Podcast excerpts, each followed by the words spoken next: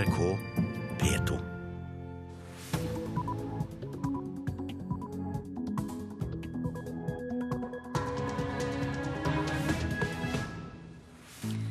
God morgen, klokka er 6.30. Du lytter til Nyhetsmorgen med Anne Jetlund Hansen i studio. Dette er hovedsakene våre. I Egypt har flere enn 50 mennesker mistet livet i harde kamper det siste døgnet. Det er ikke lenger lov å sende foreldreløse asylbarn som har asylsøknader i andre europeiske land, ut av Norge. Og det skjer etter en avgjørelse i Europadomstolen. Det er beklagelig at Norge ikke på egen hånd har kommet fram til dette tidligere. Det burde vi ha gjort, men at det måtte en dom fra EU-domstolen til for å få slått fast disse prinsippene, det er vel egentlig litt overraskende. Og det sier advokat Arild Humlen. Og villsvin lusker nå over fra Sverige og etablerer seg i Norge. Det både gleder og bekymrer, sier Ole Mattis Lien i Norges jeger- og fiskeforbund.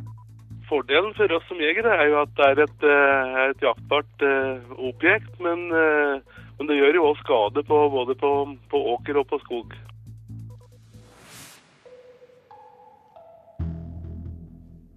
Starter denne halvtimen i Egypt. Der er minst 50 mennesker drept og 260 såret i harde kamper det siste døgnet.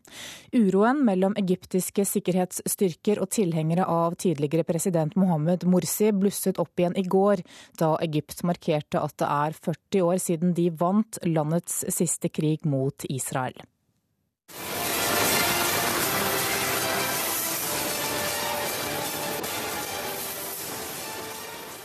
Fyrverkeriet føk i været i Kairo i går, da Egypts nye ledere og deres støttespillere markerte at det er 40 år siden Jom Kippur-krigen.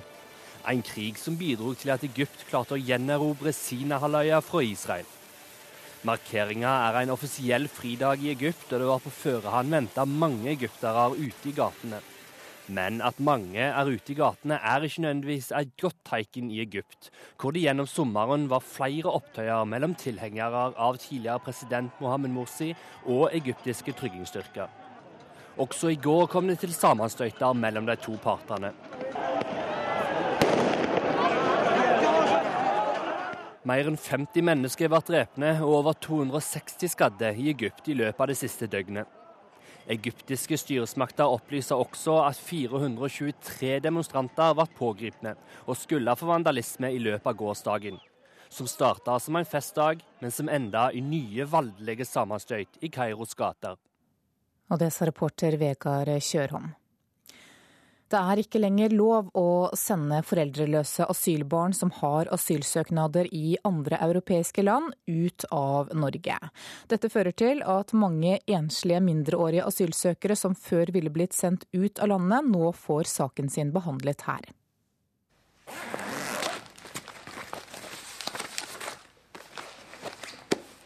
Jeg har jo en eh, sak her som jeg har i ryggsekken. Verge Liv Hatland trekker opp en stor grønn taushetsbelagt mappe fra sekken. Ark på ark med forklaringer fra asylsøkere som sier de er barn uten foreldre, fødselsdatoer og med historier om ulike reiseruter til Norge. Noen av barna har fått beskjed om at sannsynligheten for at de nå får bli i Norge, er større enn tidligere. Ja da, de ligger eh, bak i mappen min, de òg. For jeg passer jo godt på de. Snakker mye med deres advokat og snakker med disse barna. Jeg har jo fortalt at det kan komme et regelverk nå som gjør at de får saken sin behandlet i Norge. Så langt i år har 336 enslige mindreårige søkt asyl i Norge. Av de har én av ti søkt asyl i et annet europeisk land først. De er såkalte dublinere, og det er de her barna den nye lovinstruksen gjelder, forteller statssekretær Pål Lønseth i Justis- og beredskapsdepartementet. Alle barn som kommer til Norge eh, alene og søker asyl, Eh, og som da ikke har noe familiemedlem i et annet eh, land som er knytta til Dublin-regelverket, de skal da få sin sak behandlet i Norge. Det er en, da den samme regelen som vil gjelde også for de andre eh, landene knytta til Dublin-regelverket. Siden 1997 har Norge latt være å behandle søknaden til dublinere, og heller returnert de til første asylland, helt i tråd med europeiske avtaler. Men for tre måneder siden uttalte Europadomstolen at dette strider mot barnas beste. Siden da har Norge latt være å sende ut de såkalte dublinerne, og nå er det bestemt at Norge slutter helt med praksisen. Det har tatt altfor lang tid, mener asyladvokat Arild Humlen. Det er beklagelig at Norge ikke på egen hånd har kommet fram til dette tidligere. Det burde vi ha gjort, men at, det måtte en dom fra EU-domstolen til for å få slått fast disse prinsippene, det er vel egentlig litt overraskende. Dette er eh, nok et område hvor Norge ikke har vært gode på å ivareta hensyn til barnet eh, og barns beste. I Liv Hatlands grønne mappe ligger et titalls skjebner. Lykkejegere, krigsoffer og offer for menneskehandel. Et par stykker har fått beskjeden om den nye instruksen. Nei, De er jo veldig selvfølgelig glad for uh, det som skjer. De forstår jo at nå ser det ut til at det skal gå bra med min sak. Reporter her, det var eh, Marit eh, Gjelland. Over til deg, Janne Rånes, leder for Norgesprogrammet til Redd Barna. Velkommen. Takk skal du ha. Hvor avgjørende er denne nye lovinstruksen? For det første så er den jo veldig avgjørende for fremtida til ganske mange barn som er på flukt alene til Norge. De har endelig mulighet for å få en trygghet og stabilitet som de har behov for. I tillegg så syns jeg det er viktig fordi at det viser at Norge i sin asylpraksis ikke kan velge se bort fra å ta hensyn til hva som ligger i Barnekonvensjonen. For det EU-domstolen her sier, er jo at eh, Norge er nødt til å sette barnets beste-prinsippet høyt. Det betyr at i hver enkelt sak må man finne ut hva som er bra for det enkelte barnet, og det er det Barnekonvensjonen eh, sier noe om. Og internasjonale konvensjoner, som Dublin-konvensjonen, kan ikke se bort fra barn, barns rettigheter. Ja, hvordan har det påvirket situasjonen for disse barna at de har blitt sendt tilbake til det landet der de først søkte asyl? Det har vært en helt uholdbar situasjon, for vi vet at uh, Dublin-systemet ikke har fungert godt nok. Det betyr at i realiteten så har mange unger blitt kasteballer mellom ulike europeiske land, og de har drøfta frem og tilbake hvem som skal ta ansvar for fremtida og saken deres. Og Her slår da EU-domstolen fast at sånn kan ikke statene opptre, for det er ikke til barnets beste. Hva syns du om at det er Europadomstolens avgjørelse som fører til at reglene blir endret her i Norge? Nei, altså Effekten av det syns vi jo da er bra, men eh, Humlen har et poeng når han sier at det her burde Norge ha funnet ut av sjøl. Helt siden Norge altså Det er litt viktig å minne om at uh, Dublin-reglementet det har vi hatt siden 2003. Og mellom 2003 og 2008 så praktiserte ikke Norge de her reglene på enslige mindreårige. Det var i 2008 man fant ut at nå skal vi òg begynne å sende barn tilbake til Dublin-land. Ehm, så, og vi har hele tida sagt Dublin er ikke bra i forhold til hva som er bra for barn.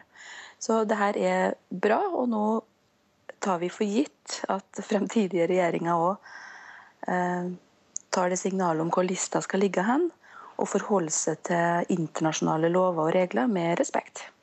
Men voksne asylsøkere blir jo sendt tilbake til det landet der de først søkte asyl. Hvorfor bør ikke denne regelen gjelde også for barn? Dette er unger som er i en veldig utsatt situasjon, og voksne har i mye større grad nå mer kontroll på hvilke valg de sjøl gjør. Vi vet at unger som er på flukt, veldig ofte blir utsatt for eh, både utnytting og utsatt for valg som voksne gjør. Uh, unger har ikke alltid sjøl valgt hvilke land de skal reise til. og Da er det så viktig at vi har mekanismer som gjør det sånn at landene rydder opp uh, og tar ansvar for barna. Takk for at du var med i Nyhetsmorgen, Janne Rånes, leder for Norgesprogrammet til Redd Barna. Politiet har pågrepet tre personer etter at en mann ble bundet fast og ranet hjemme hos seg selv i Bø i Telemark i natt. Mannen klarte selv å komme seg løs og ringte politiet. Og Like før mannen ringte, så stanset politiet en bil med tre personer i, som nå er mistenkt for ranet, sier operasjonsleder Ole Kamben. Han har forklart at uh, de har tatt seg inn gjennom et kjellervindu og brukt god tid på stedet. Men det som kom fram, var at han hadde blitt frastjålet eller frarana flere våpen, ammunisjon et par mobiltelefoner, lommebok med kontanter, bankkort osv. Og, og da så jo vi de to forholdene i sammenheng. Og ved nærmere undersøkelser av patruljen så viste det seg at så vidt vi kan se, så har alt som ble stjålet fra fornærmede, kommet til rette ved at det befant seg i den bilen som patruljen hadde stansa. Da skal vi ta en kikk på dagens aviser og se hva de har på forsidene sine i dag. Finansavisen forteller at fagforeningstoppen Roger Handeland i flyselskapet Norwegian er innkalt til oppsigelsessamtale. Og det skjer etter at ledelsen ifølge avisa så rødt etter at han ga et intervju om selskapets nye Dreamliner-fly. Hver femte unge i Oslo er svensk, det skriver Aftenposten. Unge nordmenn dankes ut på arbeidsmarkedet fordi arbeidsgiverne heller vil ha arbeidsomme svensker. Klassekampen forteller at ordføreren i Eidsberg i Østfold vil komme en ny kommunereform i forkjøpet. Han har fått med seg kommunestyret på å invitere nabokommunen Rømskog til å lage nye grenser for kommunene i Indre Østfold. Dagbladet har et stort bilde av Siv Jensen og Erna Solberg på sin forside i dag, og slår fast at de har harde slag i vente. Dersom Landbruksdepartementet må endres, så bør fisk og landbruk samles, men ikke under Næringsdepartementet. Det sier Gaute Lenvik i NHO Mat og Landbruk til Nasjonen i dag. Dagsavisen skriver at LO-lederen frykter den nye regjeringens arbeidslivspolitikk. Den neste arbeidsministeren kan komme fra Fremskrittspartiet. Bergens Tidende forteller at Bybanen bruker nærmere 350 millioner kroner på å erstatte hus og tomter som ryker med underveis. I dag når krangelen Bergen tingrett, der erstatning for et titall tomter skal avgjøres. Selskapet Tess dobler antall ansatte, forteller Dagens Næringsliv. Selskapet som leverer tjenester til olje- og gassindustrien planlegger å ansette ytterligere 900 personer i løpet av de neste seks-sju årene. Rasende på dyr salmebok er overskriften i Vårt Land. Den nye salmeboka koster 339 kroner, og det gjør at Kirke-Norge ikke har råd til å ta den i bruk, ifølge en kirkeverge mens VG frister med bilder fra redernes svinedyre boliger i London.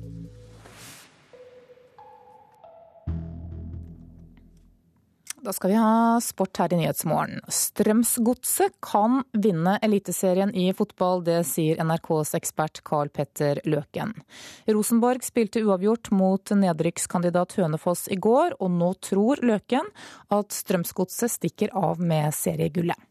Jeg tippa jo på Rosenborg tidligere i sesongen, og jeg tippa også på Rosenborg for noen runder siden. Men nå så, så vil jeg tro at Strømsgodset kommer til å vinne. NRKs ekspert begrunner nettopp det med at godset har ett poeng ekstra å gå på pga. bedre målforskjell. I tillegg mener Løken at kampprogrammet taler for at godset går seirende ut av duellen mot Rosenborg. Så I og med at Strømsgodset har to hjemmekamper igjen, og Rosenborg bare har én hjemmekamp igjen, så har Strømsgodset alle muligheter nå til å, bli, til å bli seriemester. Løken har selv spilt i en årrekke for trønderklubben og har et spesielt forhold til RBK. Likevel må han innrømme at Strømsgodset fortjener å vinne årets eliteserie. Ser litt tilbake til det med målforskjell òg, så har Strømsgodset eller skåra 35 mål hjemme, og Rosenborg bare 21. Det illustrerer også at vinner Strømsgodset i år, som jeg tror de i og for seg gjør nå, så er det veldig veldig fortjent. De har da spilt den beste fotballen, og de har også skåra flest mål, og det er ålreit, syns jeg, at det laget da vinner serien. Rosenborg-trener Per Joar Hansen var lite villig til å svare på hva han tenker om seriegullkampen etter det skuffende resultatet mot Hønefoss i går. Nei, Så vidt jeg vet nå, så har vi spilt to kamper mot Strømskos. Og da vet jeg at vi skal ikke spille mot dem noen flere ganger i år. Så vi må konsentrere oss om oss sjøl og, og, tenke på neste kamp. Likevel innrømmer Hansen at den pausa serien spurten får pga. VM-kvalifiseringskampene de neste to ukene, skal brukes godt. Nei, vi må bare øve oss videre og øh, jobbe hardt for å opprettholde det vi har gjort eh, fram til nå. og eh, Se fram imot de kampene som kommer og glede oss til det.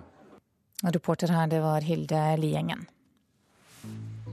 Du hører på Nyhetsmorgen i NRK P2 og Alltid nyheter. Klokka er 6.44, og dette er hovedsaker i nyhetene i dag. I Egypt er minst 50 mennesker drept og 260 såret i harde kamper det siste døgnet. Det er ikke lenger lov å sende foreldreløse asylbarn ut av Norge når de har asylsøknader i andre europeiske land. Og politiet har pågrepet tre personer etter at en mann ble bundet fast og ranet hjemme hos seg selv i Bø i Telemark i natt.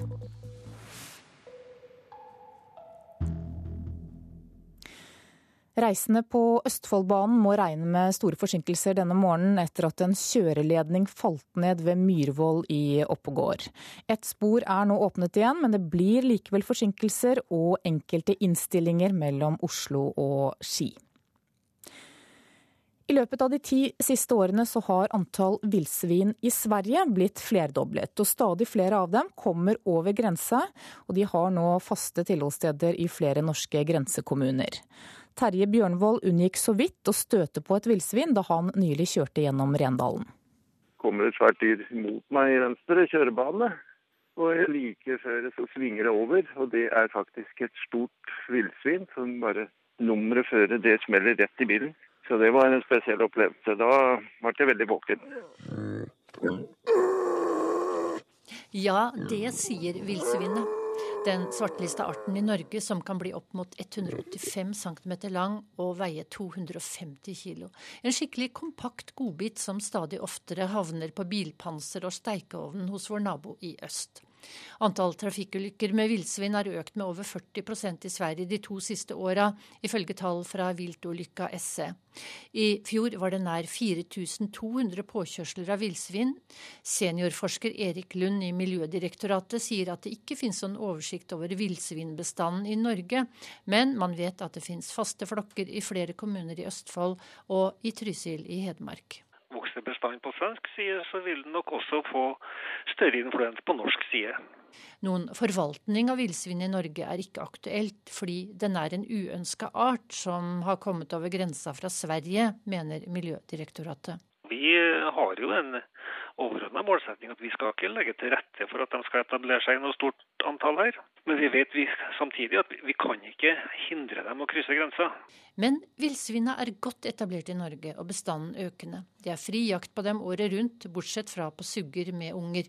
I Østfold er det skutt flere titalls dyr i Aremark og Halden hittil i år i Hedmark noen få de senere åra. Fordelen for oss som jegere er jo at det er et, eh, et jaktbart uh, objekt, men uh, men det gjør jo òg skade på, både på, på, åker og på skog. Sier fylkessekretær Ole Mattis Lien i Norges jeger- og fiskeforbund i Hedmark, som forbereder seg på en økning i villsvinbestanden framover. Svenske medier forteller om villsvin som oppsøker villaområder, forsyner seg av folks søppelkasser, ødelegger åkre og angriper folk og hunder i trengte situasjoner. Med skarpe hoggetenner og et par hundre kilo i matchvekt er det ingen spøk. Det er jo spesielt at de er ettersøkt. Da, da er faktisk eh, Villsvin er kanskje sammen med bjørn en art som da kan, uh, kan gjøre angrep på, på, jegeren. Og Det er jo en del skader på både folk og hunder i Sverige til ett av villsvin. Reporter her var Vera Wold. Det går langt bedre enn fryktet for mange av de tidligere ansatte ved solcellefabrikken REC på Herøya. Det sier tidligere hovedtillitsvalgt Hans Ødegård.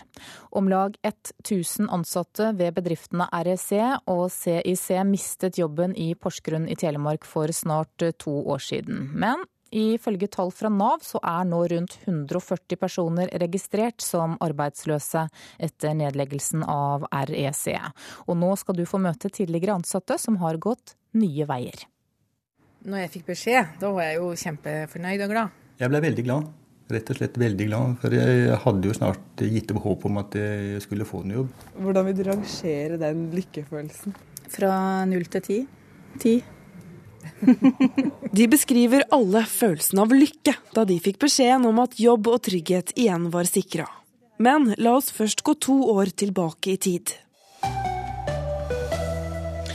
Flere hundre mista jobben på REC i går. Du... Det var nødvendig å legge ned solenergibedriften REC på Herøya og over 1000 personer har mistet jobben i solindustrien i Glomma. Skuffelsen var tydelig da de ansatte kom ut fra allmannamøtet i går kveld med beskjed om at alle fabrikkene blir nedlagt allerede fra 1. mai.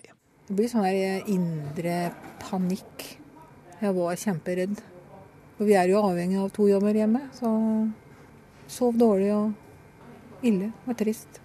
Det å stå uten eh, en eh, fast jobb, det syns jeg var veldig tungt. Det sier Marion Tallaksen og Eirin Pettersen. Uten fagbrev, uten utdannelse og blant mange uten jobb i Grenland ser det mørkt ut. Men det skulle forandre seg raskt. Hei! Det er kjølevare, så jeg vet ikke om Det er travelt på sentrallageret til Sykehuset Telemark. Stabler med pakker trilles inn, og andre er på vei ut. Og her fant de to livlige arbeidskameratene seg fort til rette. Jeg trives veldig. Selv om det er veldig hektisk, så liker jeg jobben egentlig veldig. Vi er heldige. Vi er her, vi har en jobb. Det er ikke alle som har. Hvor mye betyr det å ha en eh, trygg og fast jobb? Det betyr jo alt for meg. Jeg er ikke laga for å være hjemme. Ja, da blir jeg sur og grinete. Det kan du spørre min mann. de to er langt ifra de eneste som har gått ny karrierevei. Rune Sørensen kjører nå betongbil og stortrives i førersetet. Det er en veldig spennende jobb. Jeg lærer en helt nytt yrke, egentlig. Eh, I tillegg til selve lastebilkjøringa, så er det jo det å levere betong, da, som i og for seg er et yrke i seg sjøl. Det syns jeg har vært veldig spennende. Fagforeningslederen Hans Ødegård har etter snart to år fått jobb i Fagforbundet Industri Energi, og skal jobbe med næringspolitikk. Men det har vært tøffe år fram til gladnyheten kom. Jeg begynte jo å lure på om jeg helt skulle komme i arbeid igjen, så jeg ble veldig glad når jeg fikk den jobben. Hadde du trodd at det skulle være så mange som kom seg ut i jobb som, som det tallene viser nå? Nei. Det trodde jeg ikke. Det er klart Når vi snakker om 1000 stykker som mister jobben eh, i løpet av veldig kort tid, så er det mange. Og nei, jeg trodde det her skulle være mye vanskeligere. Så, eh, og selv om det personlig for meg har tatt tid, så er det veldig mange som har klart å få seg en jobb fort. Så det, det har gått mye bedre. Reporter her, det var Solfrid Leirgull Øverbø. Kor og korps øver i lokaler med svært dårlig lydkvalitet. Det slår Norsk musikkråd fast etter å ha målt lydkvaliteten i 200 øvingslokaler over hele landet. Ifølge rådet så er den dårlige lydkvaliteten en av årsakene til at mange slutter i kor og korps. Nå er en ny norsk standard med klare kriterier for hvordan et øvingsrom skal bygges, ute på høring. I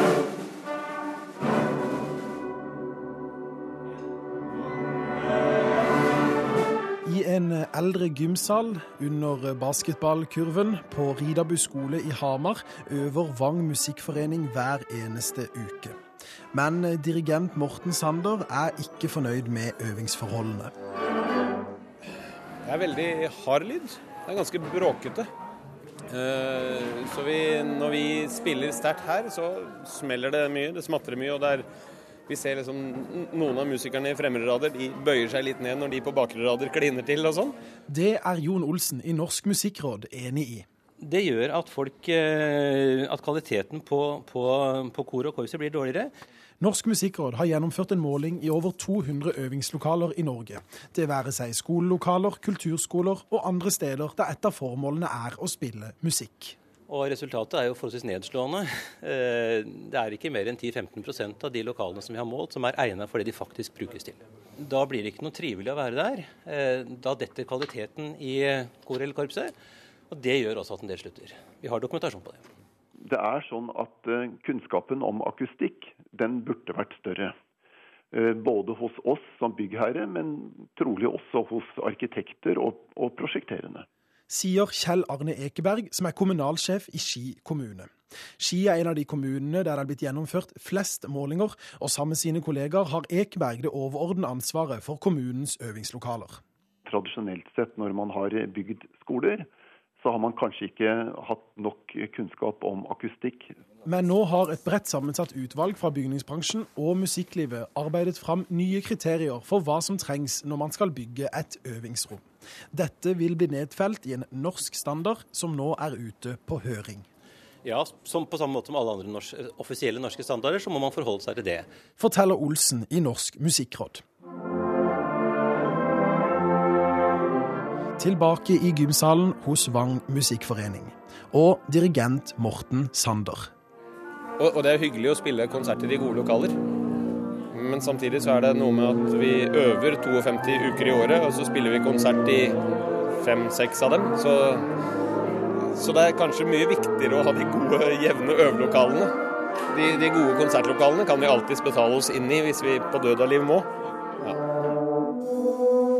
Ja. Reporter her, det var Christian Ingebretsen. Det blåser igjen friskt rundt Teater Innlandet. Nå vil fylkespolitikerne i Oppland regne seg frem til hvorvidt teatret er en suksess, eller om samarbeidet med Hedmark bør opphøre. Allerede da Teater Innlandet ble stiftet i 2010, så tvilte Oppland på prosjektet, og kalte det hele for et fornuftsekteskap. Knut Arne Hedmark, tar du Mona Oppland som ved din side står. Millioner av teaterkroner fra staten var gulrota, og Hedmark sa lykkelig ja. Men Oppland rynket på nesa. Det er deler av fornuftsekteskap, men uh, vi får tro at kjærligheten vokser etter hvert som årene går. Sa styreleder for Teater Innlandet Cato Schjøtz på bryllupsdagen. Men han tok feil. For andre år på rad stiller politikere i Oppland spørsmålstegn ved det ferske regionteatret. Og nå vil det telle for å måle om prosjektet er vellykket. Altså, Jeg vil ikke teatret til livs, men jeg vil uh, ha en diskusjon om det er riktig bruk av pengene. Sier fylkespolitiker fra Venstre Eivind Brenna. Han hører til fløyen som hele tida har vært kritisk til denne måten å bruke teaterpenger på i Oppland. Det er jo fire millioner av uh, fylkeskommunens penger, så vi er opptatt av å se Treffer man folk, treffer man publikum i hele Oppland?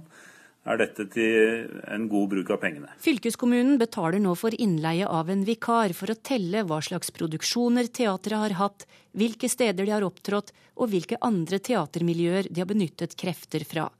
Teaterkritiker Ida Lo Larsen rister på huet. Man kan ikke fri seg for inntrykket av at de ikke vil teatret noe godt. Det virker som de kan ha lyst til å finne en grunn til at de kan si vi vil ikke være med lenger. For tellingen kan man i og for seg gjøre bare gjennom å se på årsrapporter og publikumsstatistikk. Eh, sånn at det ligger jo en form for omkamp i dette. Sier teatersjef Janne Langås. Vi spiller teater her i dag. Har dere et kvarter, så spiller vi inn i den gule konteineren her. Akkurat nå reiser Teater Innlandet rundt i begge fylker med stykket 'Drømmekonteineren'. Og det er turnering teatret skal drive med. De har ingen fast scene.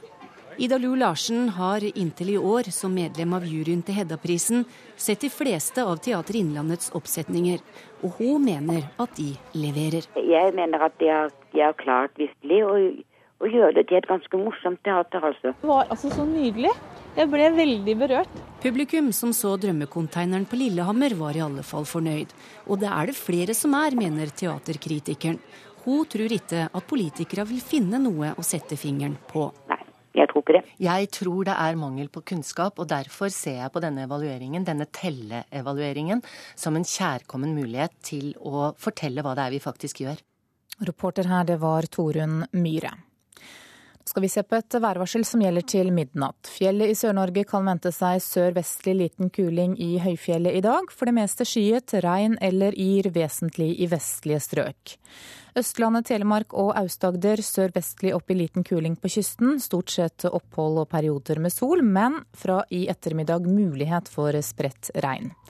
Vest-Agder for det meste skyet, perioder med litt regn eller yr i vestlige områder. Ellers stort sett oppholdsvær og lokal tåke i høyden. Rogaland perioder med litt regn, vesentlig i nord, og lokal tåke. Hordaland og Sogn og Fjordane sør-vestlig periodevis liten kuling på kysten. Først på dagen stiv kuling ved Stad, regn og lokalt mye nedbør fra Nord-Hordaland og nordover. Møre og Romsdal sørvestlig liten kuling på kysten. Fra i ettermiddag minkende. Regn, lokalt mye nedbør og lokal tåke. Trøndelag perioder med regn og lokal tåke. Helgeland, Saltfjellet, Salten og Ofoten skiftende skydekke og regnbyger. Lofoten og Vesterålen sørvestlig bris. På kysten i vest perioder med liten kuling. Skiftende skydekke og enkelte regnbyger. Troms sørvestlig bris, på kysten av og til liten kuling. Skiftende skydekke og regnbyger vesentlig i ytre strøk. Vest-Finnmark med vidda, spredt regn. Fra i ettermiddag skyet eller delvis skyet oppholdsvær. Øst-Finnmark sørøstlig bris, skyet og spredt regn. Og på Nordenskjøl land på Spitsbergen er det ventet østlig liten kuling utsatte steder og stort sett pent vær. Så tar vi med noen temperaturer som ble målt klokka fem. Da hadde Kirkenes fire grader, Vardø seks, Alta fire, Tromsø seks, Bodø åtte, Brønnøysund og Trondheim hadde ti grader. Molde 12, Bergen 12, Kristiansand-Kjevik 13, Gardermoen 11, Lillehammer 5, Røros 5 og på Oslo-Blindern så var det 10 plussgrader da klokka var fem i dag morges.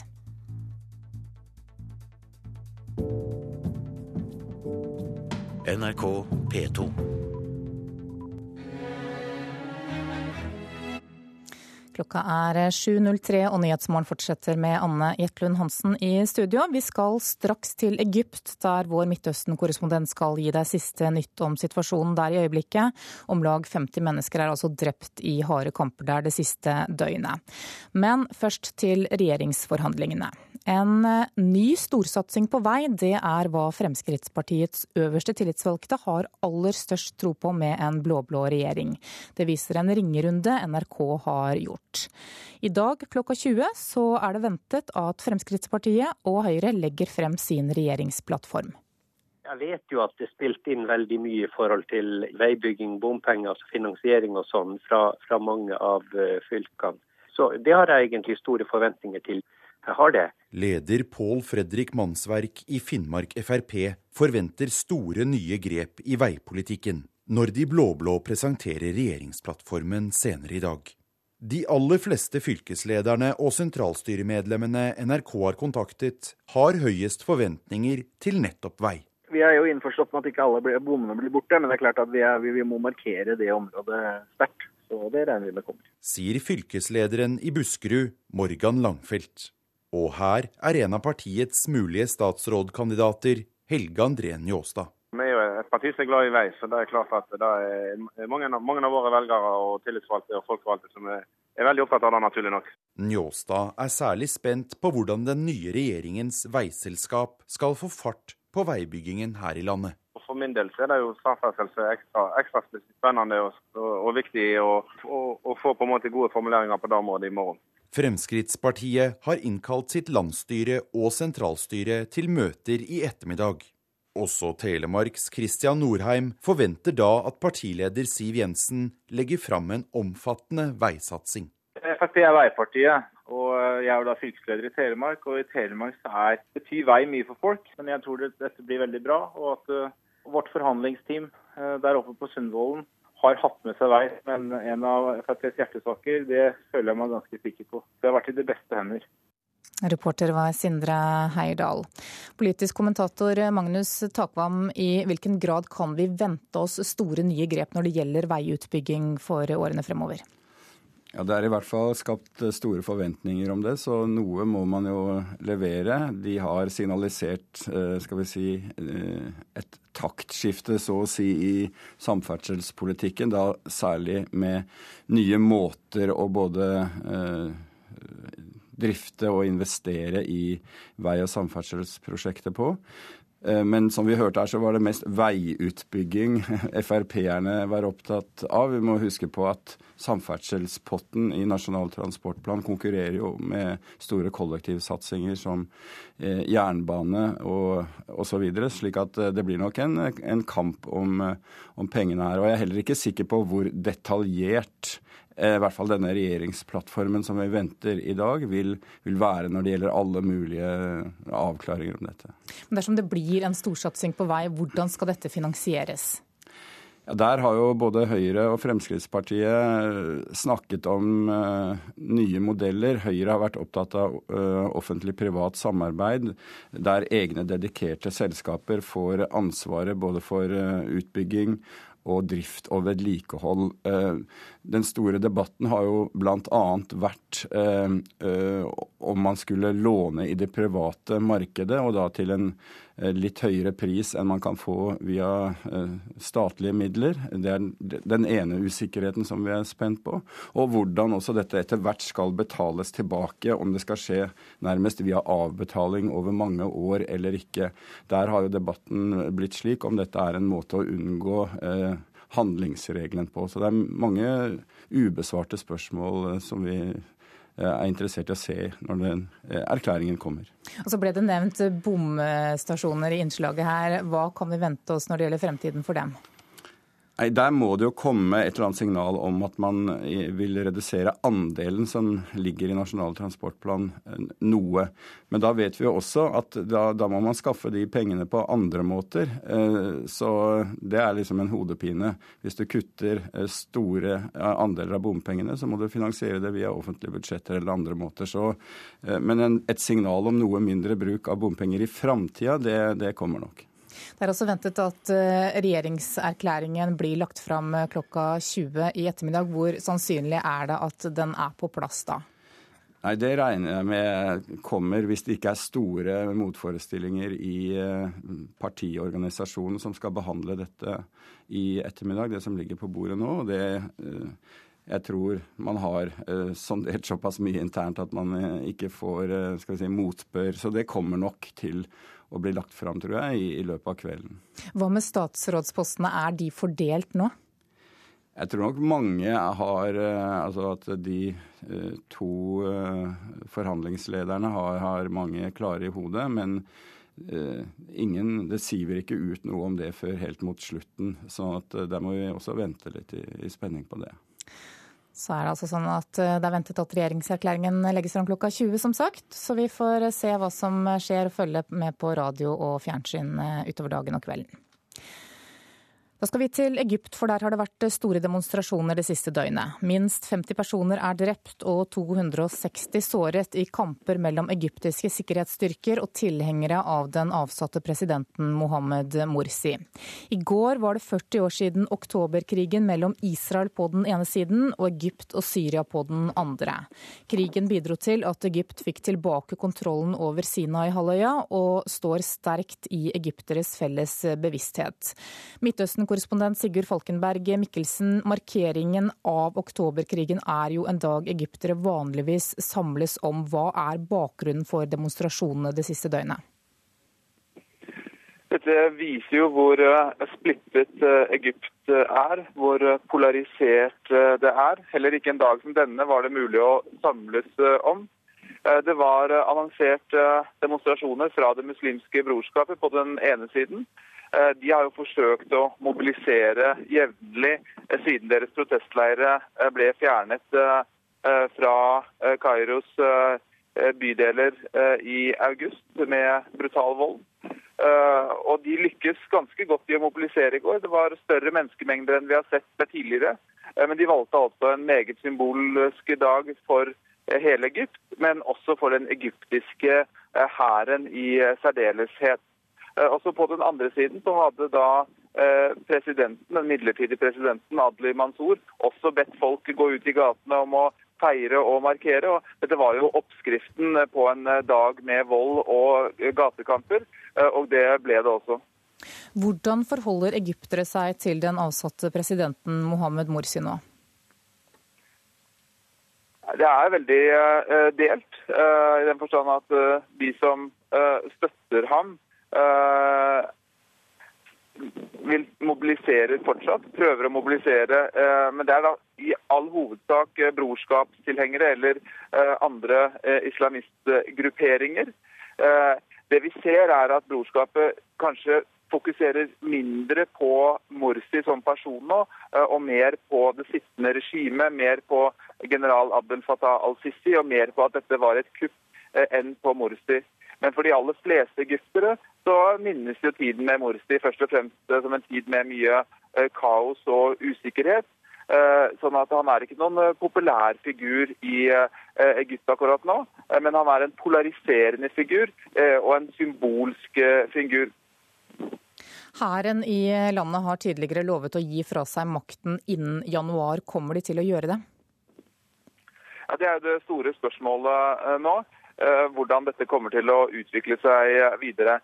De lovet jo et eh, veikart mot eh, demokrati da de eh, kuppet makten 3.7.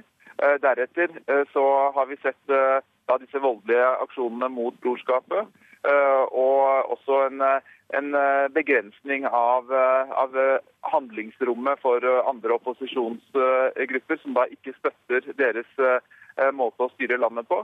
Det er en prosess i gang. Det skal skrives en ny konstitusjon, en ny grunnlov. Eh, men jeg tror nok i beste fall at dette kommer til å ta mer enn de seks eh, månedene. Eh, og så er det da et spørsmål om Egypts sterke mann nå, forsvarsminister general Abdel Fattah al-Sisi, også vil stille som president. Det er i hvert fall en folkelig mobilisering blant en del grupper for at han skal gjøre det. Så er spørsmålet om han kommer til å ville stille når den tid kommer i løpet av neste år. Takk skal du ha, Midtøsten-korrespondent Sigurd Falkenberg Mikkelsen. Klokka er 7.13. Du hører på Nyhetsmorgen i NRK P2, og dette er hovedsaker i dag. Fremskrittspartiets tillitsvalgte har store forventninger til storsatsing på vei når regjeringsplattformen blir lagt fram etter planen i kveld. Det har vært et blodig døgn i Egypt, som vi hørte. Over 50 mennesker er drept i nye kamper. Og følg med oss videre. En mann møter i retten i dag tiltalt for å ha stjålet store mengder sølv fra sølvgruvene på Kongsberg de siste 20 årene.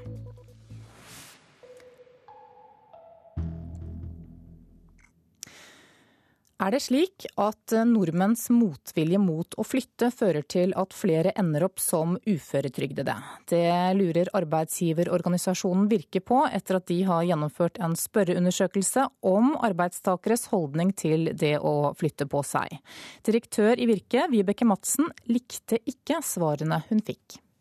Det er jo ganske eh, ja, skremmende at det er så få som er åpen for en mobilitet i Norge. I undersøkelsen som Virke har fått utført, fikk drøyt 2000 arbeidstakere følgende spørsmål.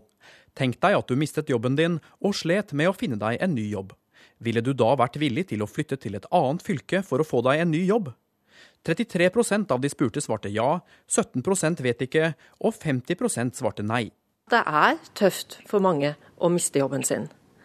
Og eh, at det for noen kan føre til at de må få hjelp fra Nav, eller i ytterste tilfelle en uføretrygd, ja, men det er det opp til legene å gjøre. Men vi må kunne tørre å stille et spørsmål om er det en sammenheng mellom manglende mobilitet og en uh, høy bruk av Nav og uføretrygd.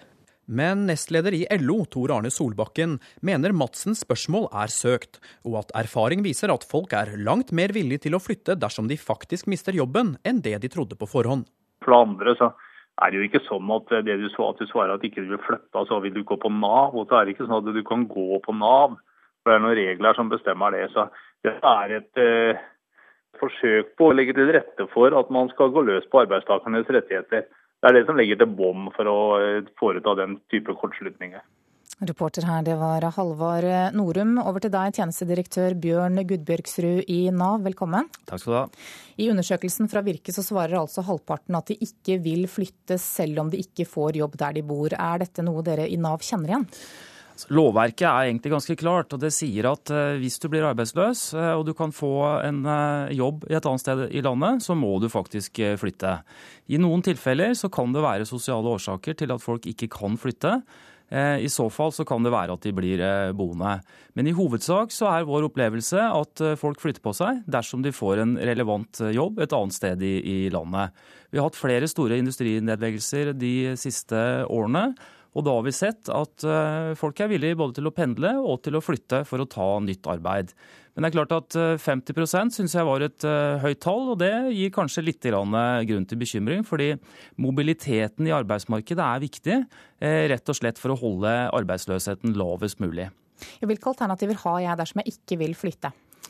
Du har eh, egentlig ikke et alternativ dersom du, du, faktisk kan få en jobb et annet sted.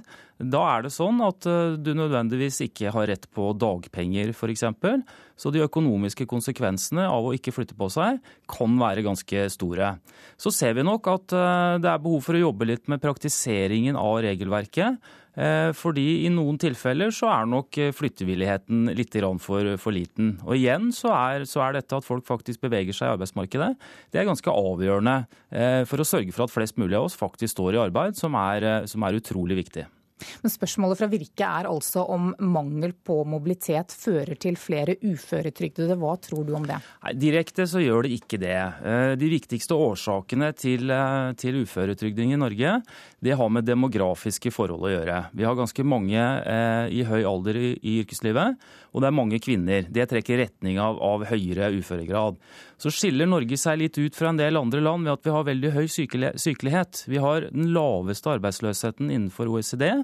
Samtidig så har vi det høyeste sykefraværet. Det at vi har høyt sykefravær, det bidrar i neste omgang til at vi faktisk også får eh, en høyere grad av uførepensjonering. Så hvis vi virkelig skal gjøre noe for å få ned uføreandelen i Norge, så må vi sette inn støtet tidlig. Vi må jobbe for å få enda lavere sykefravær, og vi må jobbe for at arbeidslivet faktisk blir et inkluderende arbeidsliv. Det er det aller viktigste. Så har Virke et poeng eh, rent indirekte, eh, og det er jo forsket på dette tidligere.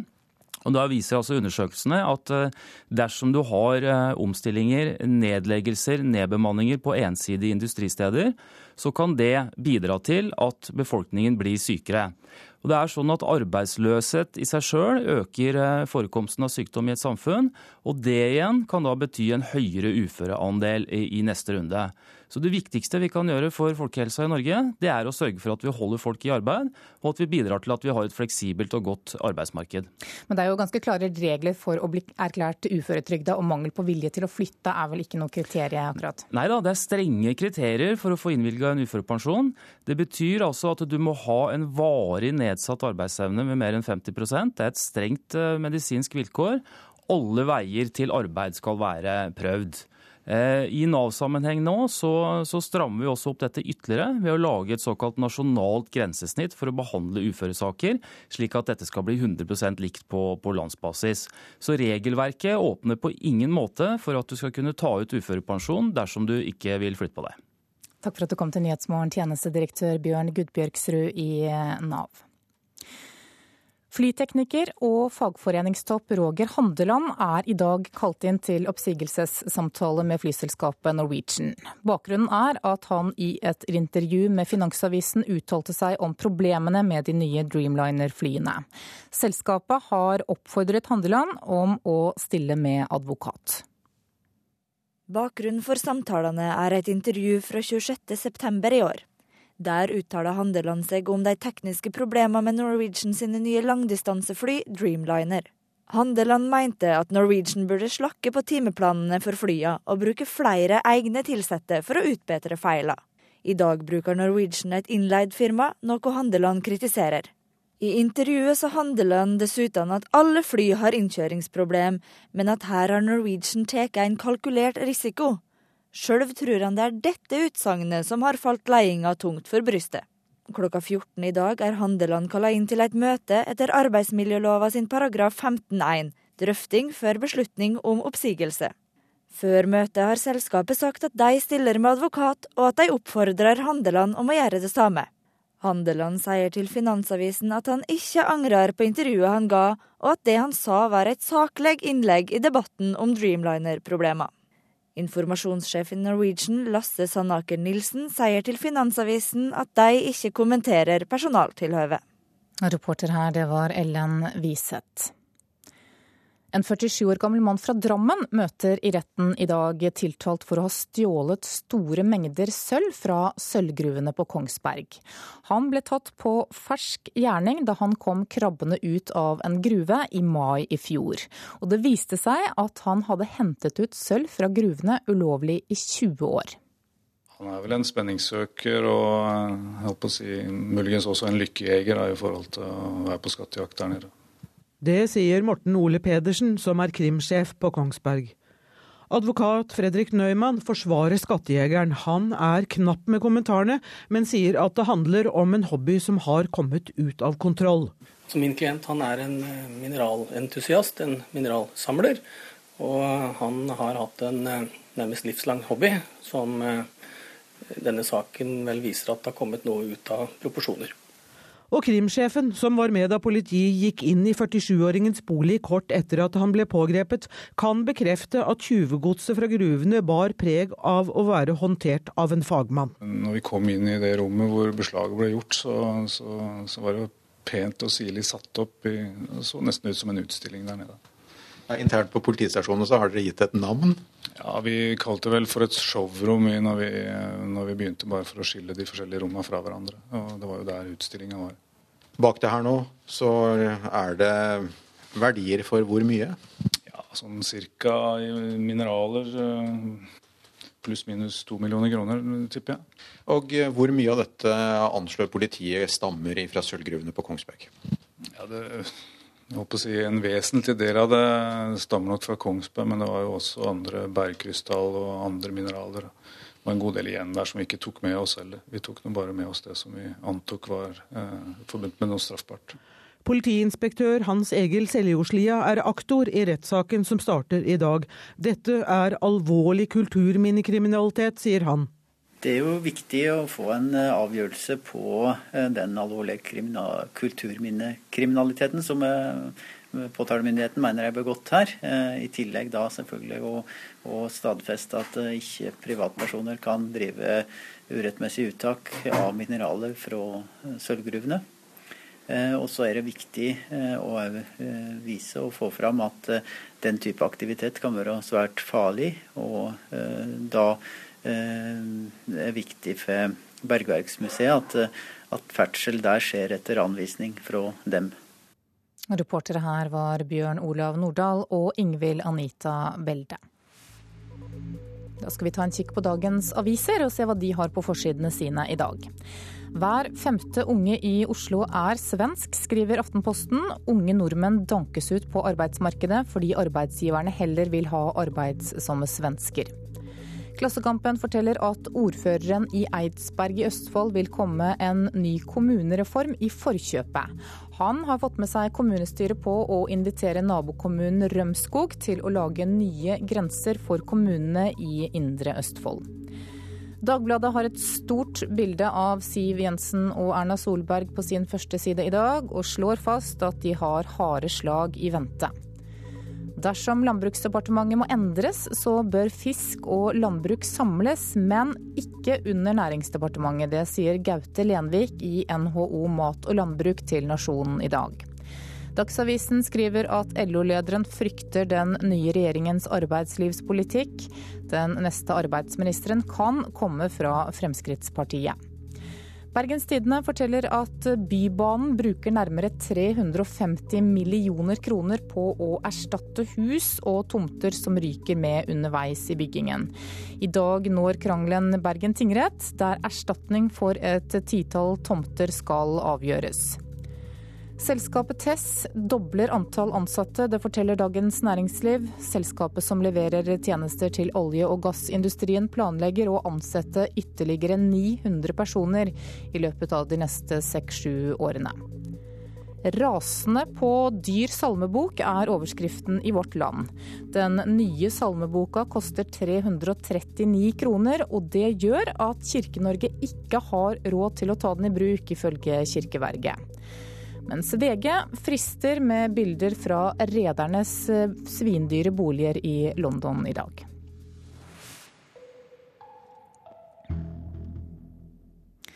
Flere steder i landet så er det høstferie denne uka. Uenigheten er stor om ferien bør beholdes som den er, eller om det skal innføres en mer fleksibel løsning. På Motland skole på Nærbø i Rogaland så har de hatt fleksiferie i over ti år, og elevene er storfornøyde. Er dere klar for høstferie? Ja. Spørsmål om høstferie kunne egentlig blitt stilt når som helst på Motland skole. Og svarene de ville blitt like delte. Eh, nei, jeg skal på skolen. Eh, jeg skal på hytta på Sirevåg. Denne uka blir helt forskjellig for sjuendeklassingene Elisabeth Tærland og Simon Løge. Uke 41 er egentlig høstferieuke i Rogaland, men på Motland skole kan de velge. Vi har en såkalt fleksibel høstferie for de skolene der samarbeidsutvalget ønsker det. Det vil si at elevene kan gå på skolen i høstferien eh, og få fri eh, de fem dagene til en annen tid når det passer bedre for familien. Det forklarer Rangvald Riis, kommunalsjef for opplæring og kultur. Han og Hå kommune har gitt skolene valget, og på Motland har de nå hatt fleksiferie i over ti år når høsten kommer. Jeg tenker Det er bra at de våger å tenke annerledes så lenge de klarer å gjennomføre det, og det, ja, alle, alle parter er fornøyde, for å si det sånn. Det sier Gunn Reidun Tednes Aasrød fylkesleder i Utdanningsforbundet Rogaland. Hun syns ikke at høstferien bør tas vekk, men hun skulle gjerne sett at noen turte å ta de upopulære avgjørelsene rundt fri og ferie i skolen. Hun vil gjerne ha et prøveprosjekt med maks ti permisjonsdager i løpet av tre år. Det blir gjerne sånn på lokalt nivå òg, som det gjør på, når du kommer ut på skolenivå, at du vil helst ikke ta den ubehagelige beslutningen. For det er jo klart at dette får samfunnsmessige konsekvenser. Så kanskje hadde det vært spenstig om det fra statlig hold hadde våget å utfordre en kommune gjerne en litt større kommune, på å prøve det over en periode på f.eks. tre år. Men håp om at en ny regjering vil sparke i gang noe prøveprosjekt, blir nok med håpet. Dette er et godt eksempel på et spørsmål som eh, fortsatt bør eh, løses lokalt. Det sier Høyres utdanningspolitiske talskvinne Elisabeth Aspaker. Så tror jeg det er hensiktsmessig at man på kommunalt nivå fastsetter regler som er lik for alle skolene i kommunen. I resten av Hå kommune er det bl.a. skoleskyss som står i veien for at flere skoler tester fleksiferie. Og sjøl om rektor Roaldsen ser utfordringer ved at halvparten av elevene forsvinner denne uka, mens resten tar fri når de vil, så har det òg sine klare positive sider. Lærerne syns det er greit. Jeg tror eh, på en måte så senker tempoet seg litt denne uka, og du får litt bedre tid. Du får ikke det jaget etter nye mål og nye oppgaver skal gjøres. Så så læreren syns det er ei rolig uke å være, og det er ei god arbeidsuke sånn sett. Syns du det er greit at det er dere som bestemmer, og ikke at staten sier hva dere skal gjøre? Alltid greit å få lov til å bestemme sjøl. Syns du det er en grei løsning at man kan velge litt? Ja. Hvorfor det?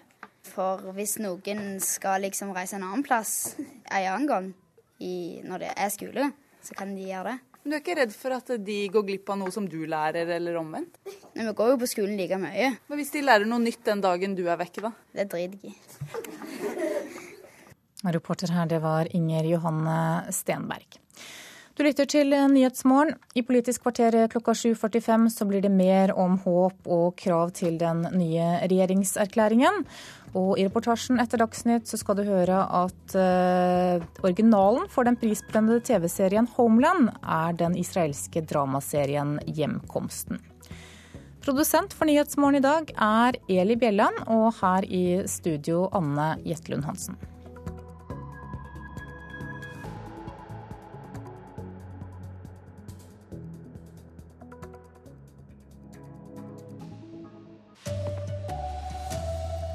Blodig døgn i Egypt. Over 50 mennesker er drept i nye sammenstøt. Tillitsvalgte i Fremskrittspartiet forventer at den nye regjeringen kommer med en storsatsing på vei i dag. Og nordmenn er for lite vilje til å flytte dersom de mister jobben. Det mener arbeidsgiverorganisasjonen Virke. God morgen, her er NRK Dagsnytt. Klokka er 7.30.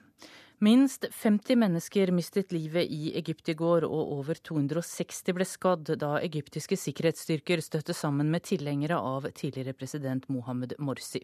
Uroen startet under Egypts markering av at det er 40 år siden de vant sin siste krig mot Israel.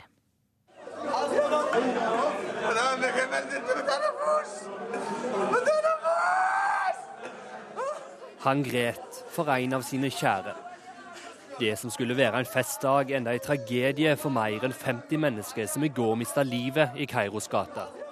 Allerede før sola hadde stått opp over Egypt, var tryggingsstyrker på plass for å hindre at tilhengere av tidligere president Mohammed Mursi skulle få samle og organisere seg i forkant av 40-årsfeiringa for Jom Kippur-krigen. Markeringa er en nasjonal fridag og er til minne om krigen som skulle legge grunnlaget for at Egypt vant tilbake kontrollen over Sinahalvøya fra Israel i 1979. Jubileet samla tusenvis av Mursi-tilhengere i sentrum av Kairo. Der ble de møtte av Egypts tryggingsstyrker, og det enda slik som frykta.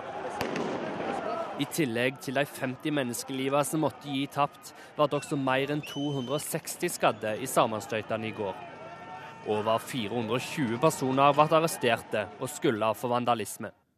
Det sa reporter Vegard Kjørom. Fremskrittspartiets øverste tillitsvalgte forventer mye av den nye regjeringens veipolitikk. Det er ventet at Siv Jensen og Erna Solberg legger frem sin regjeringsplattform i kveld, og da ønsker de tillitsvalgte seg en storsatsing på vei. Jeg vet jo at det spilte inn veldig mye i forhold til veibygging, bompenger, altså finansiering og sånn fra, fra mange av eh, fylkene. Så det har jeg egentlig store forventninger til. Jeg har det. Leder Pål Fredrik Mannsverk i Finnmark Frp forventer store nye grep i veipolitikken når de blå-blå presenterer regjeringsplattformen senere i dag. De aller fleste fylkeslederne og sentralstyremedlemmene NRK har kontaktet, har høyest forventninger til nettopp vei. Vi er jo innforstått med at ikke alle bommene blir borte, men det er klart at vi, er, vi, vi må markere det området sterkt. Så det regner vi med kommer. Sier fylkeslederen i Buskerud, Morgan Langfelt. Og her er en av partiets mulige statsrådkandidater, Helge André Njåstad. Vi er jo et parti som er glad i vei, så det er klart at det er mange, mange av våre velgere og tillitsvalgte og folkevalgte som er, er, veldig opptatt av det, naturlig nok. Og For min del så er det jo samferdsel som er ekstra, ekstra spennende og, og, og viktig å få på en måte gode formuleringer på det området i morgen. Fremskrittspartiet har innkalt sitt landsstyre og sentralstyre til møter i ettermiddag. Det sa reporter Sindre Heierdal. Ja, politisk kommentator Magnus Takvam, i dag kommer det altså etter alt å dømme en regjeringsplattform. Kommer den til å innfri ønskene om en storstilt veiutbygging som vi hører om her? Eh, ja, nå har jo de i hvert fall lovet i den eh, erklæringen som allerede er vedtatt mellom de fire partiene, at det skal satses mer på vei og kollektivtransport enn det som ligger i Nasjonal transportplan. Så forventningene hører vi er, er på topp her om det. Nå er nok spørsmålet likevel om hvor detaljert selve eh, regjeringsplattformen blir på dette punktet, om prioriteringer av rekkefølge osv. Men man vil helt sikkert eh, vise en retning og uh, si en del om den nye måten uh, de borgerlige partiene har tenkt å finansiere og bygge ut uh, veier på. Så det blir spenningsmomenter. Og selvfølgelig også dette med bompengeandel. Der er jo varselet at man skal ha noe mindre bompengeandel i nye prosjekter enn det det ligger an til i den vedtatte Nasjonal transportplan. Men da går det jo litt utover veipengene også, så hvordan denne ligningen går opp er vi spente på. Ja, hvilke avklaringer kan vi egentlig vente oss av Erna Solberg og Siv Jensen i dag? Jeg tror eh, selve regjeringsplattformen blir relativt lang og grundig på en del områder. Men jeg tror likevel at de store prioriteringene som berører økonomi, ikke går an å lese ut av plattformen. F.eks. hvor store skatteletter man konkret kan forvente osv. Mer enn en retning, og så vil veldig mye måtte uh, avgjøres i de årlige statsbudsjettene. Takk skal du ha, Magnus Takvam. Vi får også se i kveld, da. Bare tre av ti sier de er villige til å flytte til et annet fylke dersom de mister jobben.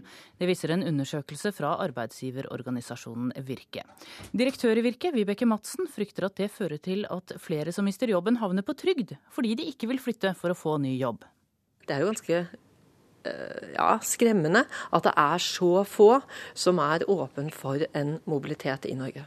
I undersøkelsen som Virke har fått utført, fikk drøyt 2000 arbeidstakere følgende spørsmål.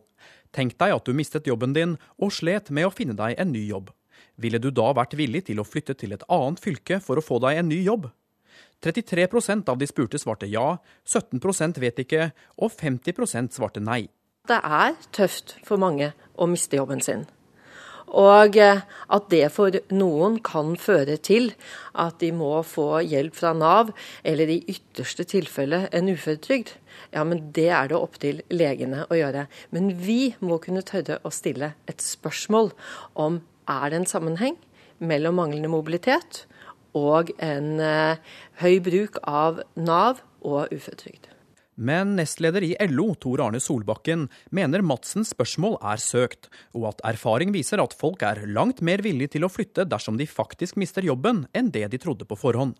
For det andre så er det jo ikke sånn at det du, at du svarer at ikke du vil flytte, så vil du gå på Nav. Og så er det ikke sånn at du kan gå på Nav, for det er noen regler som bestemmer det. Så det er et eh, forsøk på å legge til rette for at man skal gå løs på arbeidstakernes rettigheter. Det er det som legger til bånd for å eh, foreta den type kortslutninger. Reporter her var Halvard Norum. Men tjenestedirektør i Nav, Bjørn Gudbjørgsrud, mener Virke ikke trenger å bekymre seg. Det er strenge kriterier for å få innvilga en uførepensjon. Det betyr altså at du må ha en varig nedsatt arbeidsevne med mer enn 50% Det er et strengt eh, medisinsk vilkår. Alle veier til arbeid skal være prøvd. Eh, I Nav-sammenheng nå så, så, strammer vi også opp dette ytterligere ved å lage et såkalt nasjonalt grensesnitt for å behandle uføresaker, slik at dette skal bli 100 likt på, på landsbasis. Så regelverket åpner på ingen måte for at du skal kunne ta ut uførepensjon dersom du ikke vil flytte på deg. Ja, Det sa tjenestedirektør i Nav, Bjørn Gudbjørgsrud. Barn som søker asyl alene, skal ikke lenger sendes tilbake til det første europeiske landet de kom til. Til nå har disse barna blitt sendt ut av Norge dersom de søkte asyl i et annet land først. Det er en dom i Europadomstolen som gjør at de foreldreløse asylsøkerne nå skal få behandlet søknaden sin her i landet. Jeg har jo en uh, sak her som jeg har i ryggsekken min. Vergeliv Hatland trekker opp en stor grønn mappe fra sekken. Ark på ark med barneskjebner som søker om å få bli i Norge. Noen av barna har fått beskjed om at sannsynligheten nå er litt større. Jeg har jo fortalt at det kan komme eh, et regelverk nå som gjør at de får saken sin behandlet i Norge. Så langt i år har 336 enslige mindreårige søkt asyl i Norge. Av de har 46 barn fått beskjed om at de må returnere fordi de har en asylsøknad i et annet europeisk land. De er såkalte dublinere, og fram til juni hadde 29 barn blitt eh, transportert ut på dette grunnlaget. Det er denne praksisen som nå har blitt ulovlig, forteller statssekretær i Justis- og beredskapsdepartementet Pål Lønseth. Alle barn som kommer til Norge eh, alene og søker asyl, eh, og som da ikke har noe familiemedlem i et annet eh, land som er knytta til Dublin-regelverket, de skal da få sin sak behandlet i Norge. Det er tre måneder siden Europadomstolen uttalte at det er ulovlig å sende de foreldreløse asylbarna tilbake til landet de først søkte asyl i. Asyladvokat Arild Humlen mener myndighetene har brukt altfor lang tid på å endre norsk rettspraksis. Det er beklagelig at Norge ikke på egen hånd har kommet fram til dette tidligere. Det burde vi ha gjort, men at det måtte en dom fra EU-domstolen til for å få slått fast disse prinsippene. Ja, det sa advokat Arild Humlen. Reporter her var Marit Gjelland. Politiets innsats mot organisert kriminalitet går kraftig tilbake. Første kvartal i år ble det tatt ut 16 tiltaler fra seksjon for organisert kriminalitet. Til sammenligning var det 289 tiltaler i hele 2012, skriver Aftenposten. Statsadvokatene og Oslo-politiet mener overføringen av etterforskere til granskingen av 22.07-terroren kan ha bidratt til denne utviklingen. Ansvarlig for Dagsnytt denne morgenen er Sven Gullvåg. Det tekniske ansvaret har Hanne Lunås. I studio Tone Nordahl. Klokka er 7.40 eh, og Nyhetsmorgen fortsetter. Den amerikanske fjernsynsserien Homeland har akkurat startet sin tredje sesong. Men ikke alle vet at originalen for den prisbelønnede serien er den israelske dramaserien Hjemkomsten. Israelske Ishai Golan spiller en av hovedrollene der. I feel the series has, has changed me in the sense that it's the most uh, meaningful part I've played today. Serien har endret meg. Jeg har lært så mye, sier Ishai Golan. Han spiller den traumatiserte soldaten Orit Sah, som har sittet 17 år i fangenskap hos en Hizbollah-lignende gruppe, et sted som ligner på Sør-Libanon. På hebraisk heter TV-dramaet Hattofim, på engelsk 'Prisoners of War' og 'Hjemkomsten' på norsk. Flere hundre israelere har vært krigsfanger, om ikke så lenge som hele 17 år. Alle prisoners of war were happy to share their experience before the, the, the series was aired. We, in the research, we, we met a lot of them and we spoke to them, and it was completely heartbreaking. De delte sine erfaringer med oss, og vi hørte mange hjerteskjærende historier. Og da serien gikk på israelsk fjernsyn, var de glade og lettet for at de endelig ble tatt på alvor og lyttet til, sier Ishai Golan til NRK.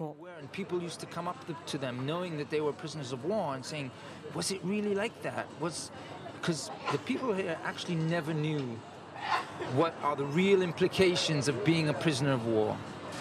your life is scarred for forever. And people don't realize that. Vi treffer den kjente israelske skuespilleren på en kafé i Tel Aviv. Israelerne vil bare ha krigsfangene sine hjem. Ingen spør hvordan det går med dem etter at de er kommet hjem. Før nå. Israelsk film og drama ligger tett opp til virkeligheten. Før hjemkomsten skulle på lufta, satt Gilad Shalit fremdeles i fangenskap i Gaza. De kommer snart hjem, sto det på plakater rundt omkring i Israel før serien hadde premiere. Det er fremdeles flere israelske krigsfanger som ikke er kommet tilbake. Det var en enorm outcry in Israel saying, uh, how cynical can the TV industry be? And everyone trying to stop this series, saying that it's... Folk var rasende over hvor kynisk TV-industrien kunne bruke nasjonale traumer for å promotere seg. Men etter at israelerne fikk se serien, stilnet kritikken, forteller Ishai Golan. But once the first episode was aired, all these voices disappeared and the Israeli public was absolutely crazy about the series and Gilad Shalit himself when he came back from captivity watched the series and loved it. يلا واحد واحد قولي هلا وانتم ماشيين Golan snakker også arabisk i serien. Did you like acting in Arabic? Very much. I was very happy to to act also in Arabic. I was actually I still am quite ashamed that I don't speak the Arabic language. I think it's Jeg skammer meg over at jeg ikke har lært meg arabisk. Vi burde være forpliktet til å lære oss språket, for bedre å forstå våre naboer med tanke på fred en dag. Og Ishai Golan har meninger om politikk. Han er en av de 40 kunstnerne som undertegnet et opprop om at de nekter å opptre på det nye teatret i bosettingen Ariel, som ligger på okkupert land. no one can force me to enter the occupied territories, which is, you know, an illegal part of, uh, of Israel's state. Og det var Sissel Wold som hadde truffet den israelske skuespilleren Ishai Golan i Tel Aviv. Du lytter til Nyhetsmorgen. Klokka er 7.44, og dette er hovedsakene våre i dag. I Egypt har flere enn 50 mennesker mistet livet i harde kamper det siste døgnet. Barn som søker asyl alene skal ikke lenger sendes tilbake til det første europeiske landet de kom til. Og nordmenn er for lite vilje til å flytte på seg når de mister jobben. Det mener hovedorganisasjonen Virke. I Politisk kvarter så venter dere på regjeringsgrunnlaget, programleder Bjørn Bø. Ja, her er både voner og krav innafor og utenfor kjernefamilien i regjeringa. Og så skal vi vurdere den økonomiske handlefridommen til Solberg-regjeringa.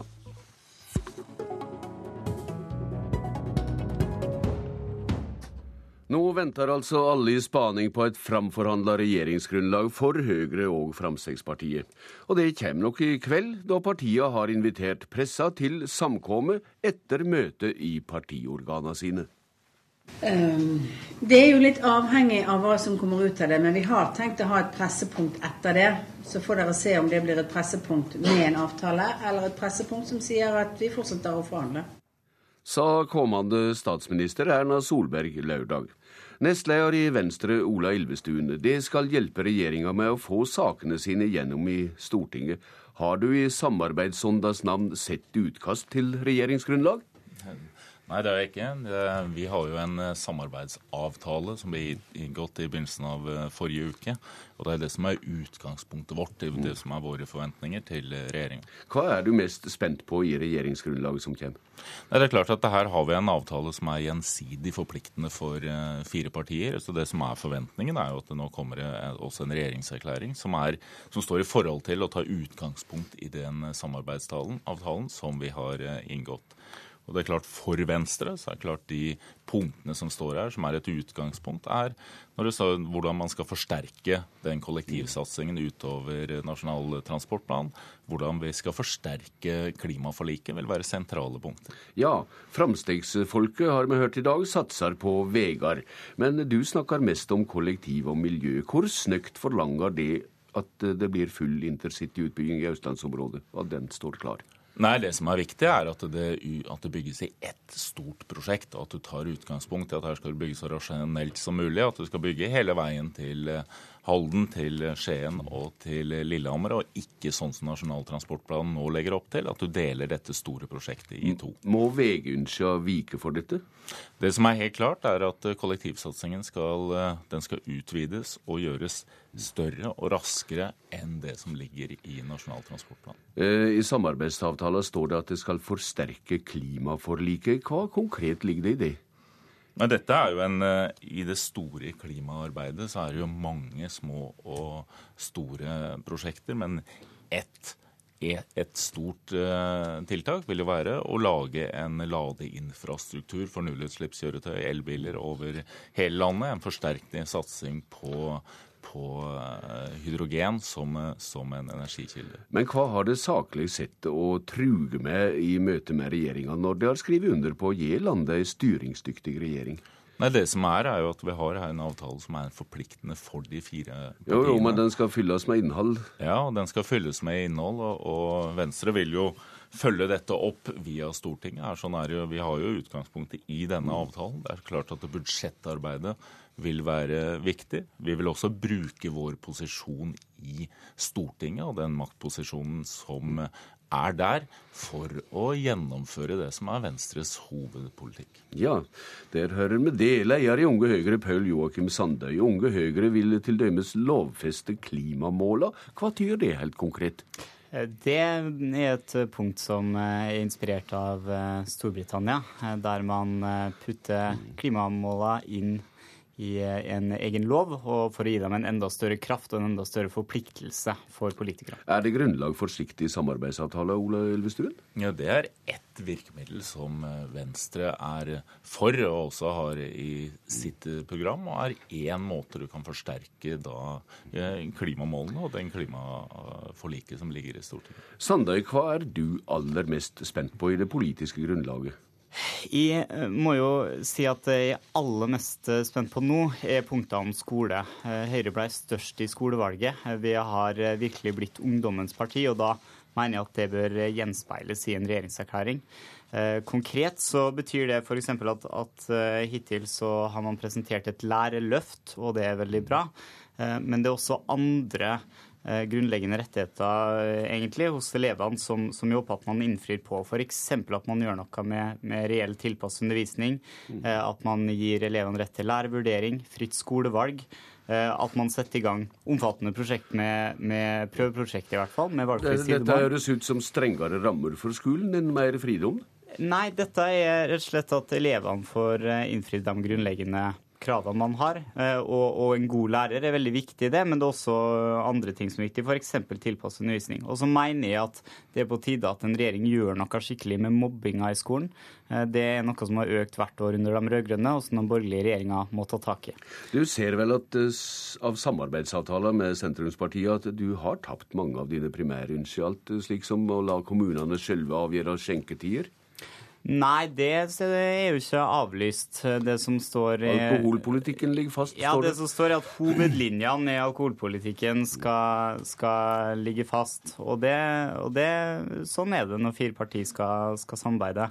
Og Men det, jeg tror det er mye rom fortsatt for, for mye god høyrepolitikk. Og det er heller ikke utsikt til den tilstramminga i sykelønnsordninga du gjerne vil ha av omsyn til de kommende slektene? Ja, Det er jo noe som vi visste på forhånd. At uh, nesten samtlige borgerlige partier har garantert for uh, sykelønnsordninga konkret. Men det jeg uh, håper og forventer, er at en borgerlig regjering tar inn over seg de bærekraftsutfordringene som ble skissert i perspektivmeldinga. At, man rett og slett, at man rett og slett f.eks.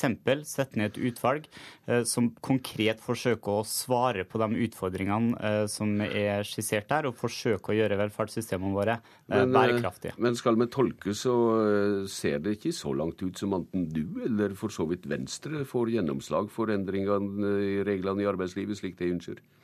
Det har vært varsla lenge også fra Høyres side, og at man vil ha en modernisering og oppmykning av f.eks. arbeidsmiljøloven.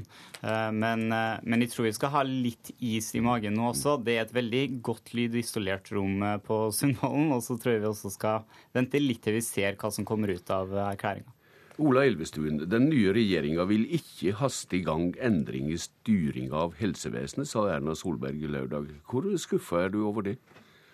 Nei, det tror jeg faktisk er, er klokt. Det, det, som er klart, er at innenfor helseforetakene det du først og fremst trenger, er en bedre ledelse. Det Venstre har lansert, er at du trenger også en nasjonal sykehusplan. Og jeg tror at det er sånn er det. Her er det viktig å skynde seg også langsomt, sånn at du får en gradvis bedring av helsevesenet. Ja, Så den ramsalte kritikken som har vært av styringa av helseforetakene, den gir seg altså ikke utslag i strukturendring med det første?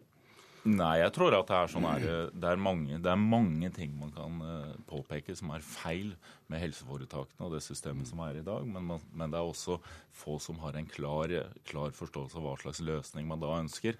Og da går rett på en større, ny reform i en situasjon hvor det du først og fremst trenger, er en tydeligere politisk nasjonal eh, ledelse. Så det tror jeg er klokt at man her skynder seg langsomt. Helse og velferd er selvsagt viktig for uh, framtidas generasjoner, Sandøy. Uh, hvor interesserte er det i hva som kommer ut av det helsepolitiske grunnlaget fra regjeringa?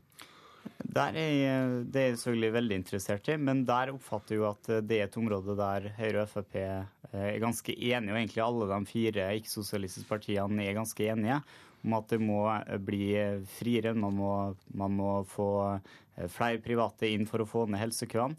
Eh, og der har jeg egentlig ganske store forventninger til at man eh, setter i gang et, eh, et arbeid for å få ned de helsekøene.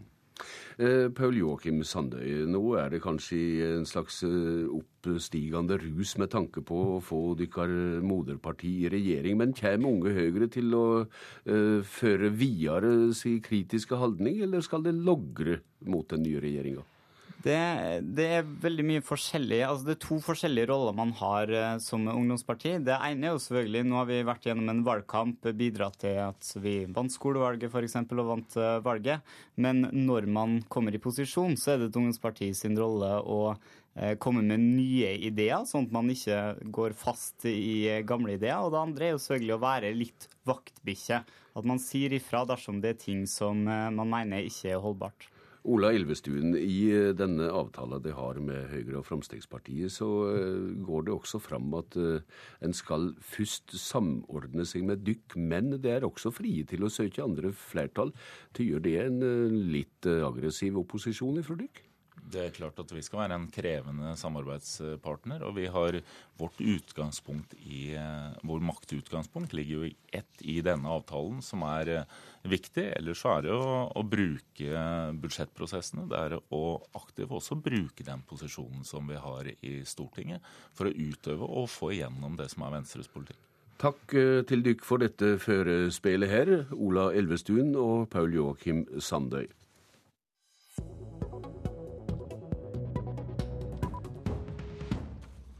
Et spørsmål har vært om den avgående regjeringa legger ut økonomiske snubletråder og minker handlingsrommet for den nye regjeringa.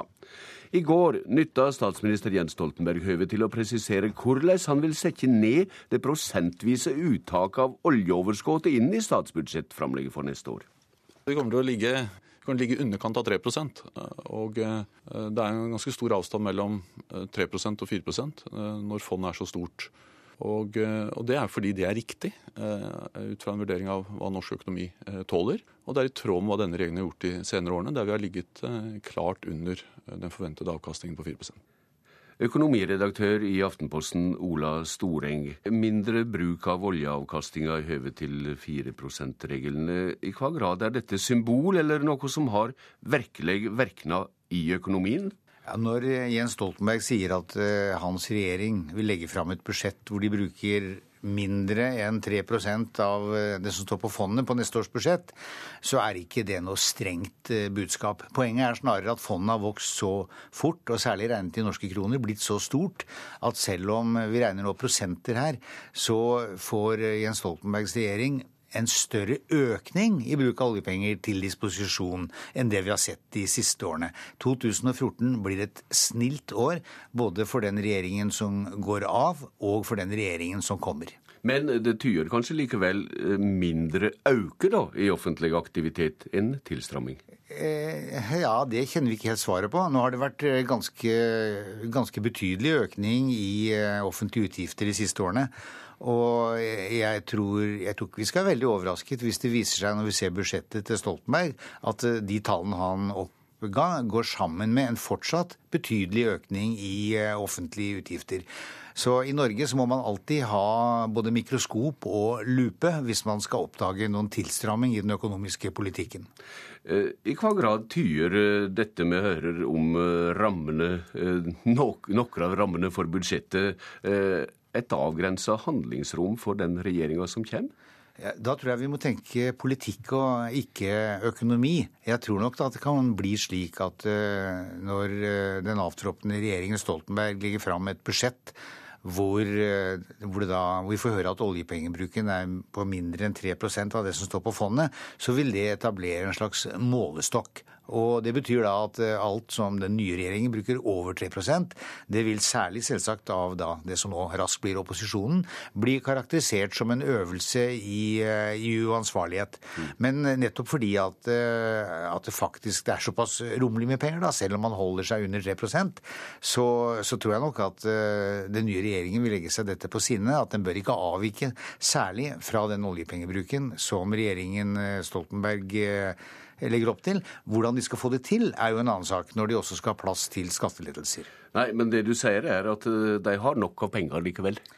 Altså, Det er vel ingen regjering som opplevde at de har nok av penger. Og, og vondt vil de gjøre, og de gjør selvsagt eh, de gjør det i ethvert eh, budsjett. Men de gjør, det er særlig vondt selvsagt etter et valg hvor det ligger flere løfter på bordet, og hvor det er lettere å måle avviket mellom retorikk og virkelighet. Mm.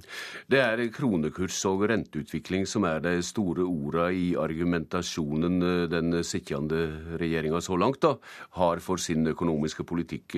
Hvordan ser du på utsiktene for norsk økonomi og sysselsetting akkurat nå? Altså, Vi har jo full sysselsetting for alle praktiske formål, men vi har også en todelt økonomi. Vi har gjennom de siste årene pådratt oss, om jeg kan bruke det uttrykket, et kostnadsnivå som er veldig høyt. 30 høyere enn i Sverige og og Danmark, og kanskje 60% høyere enn i EU. Og denne forskjellen i lønnsnivå, den er det jo veldig få, eh, få bedrifter som konkurrerer med utlandet, som kan leve med, med mindre de har hovedtyngden av leveransene sine til eh, olje, oljeindustrien.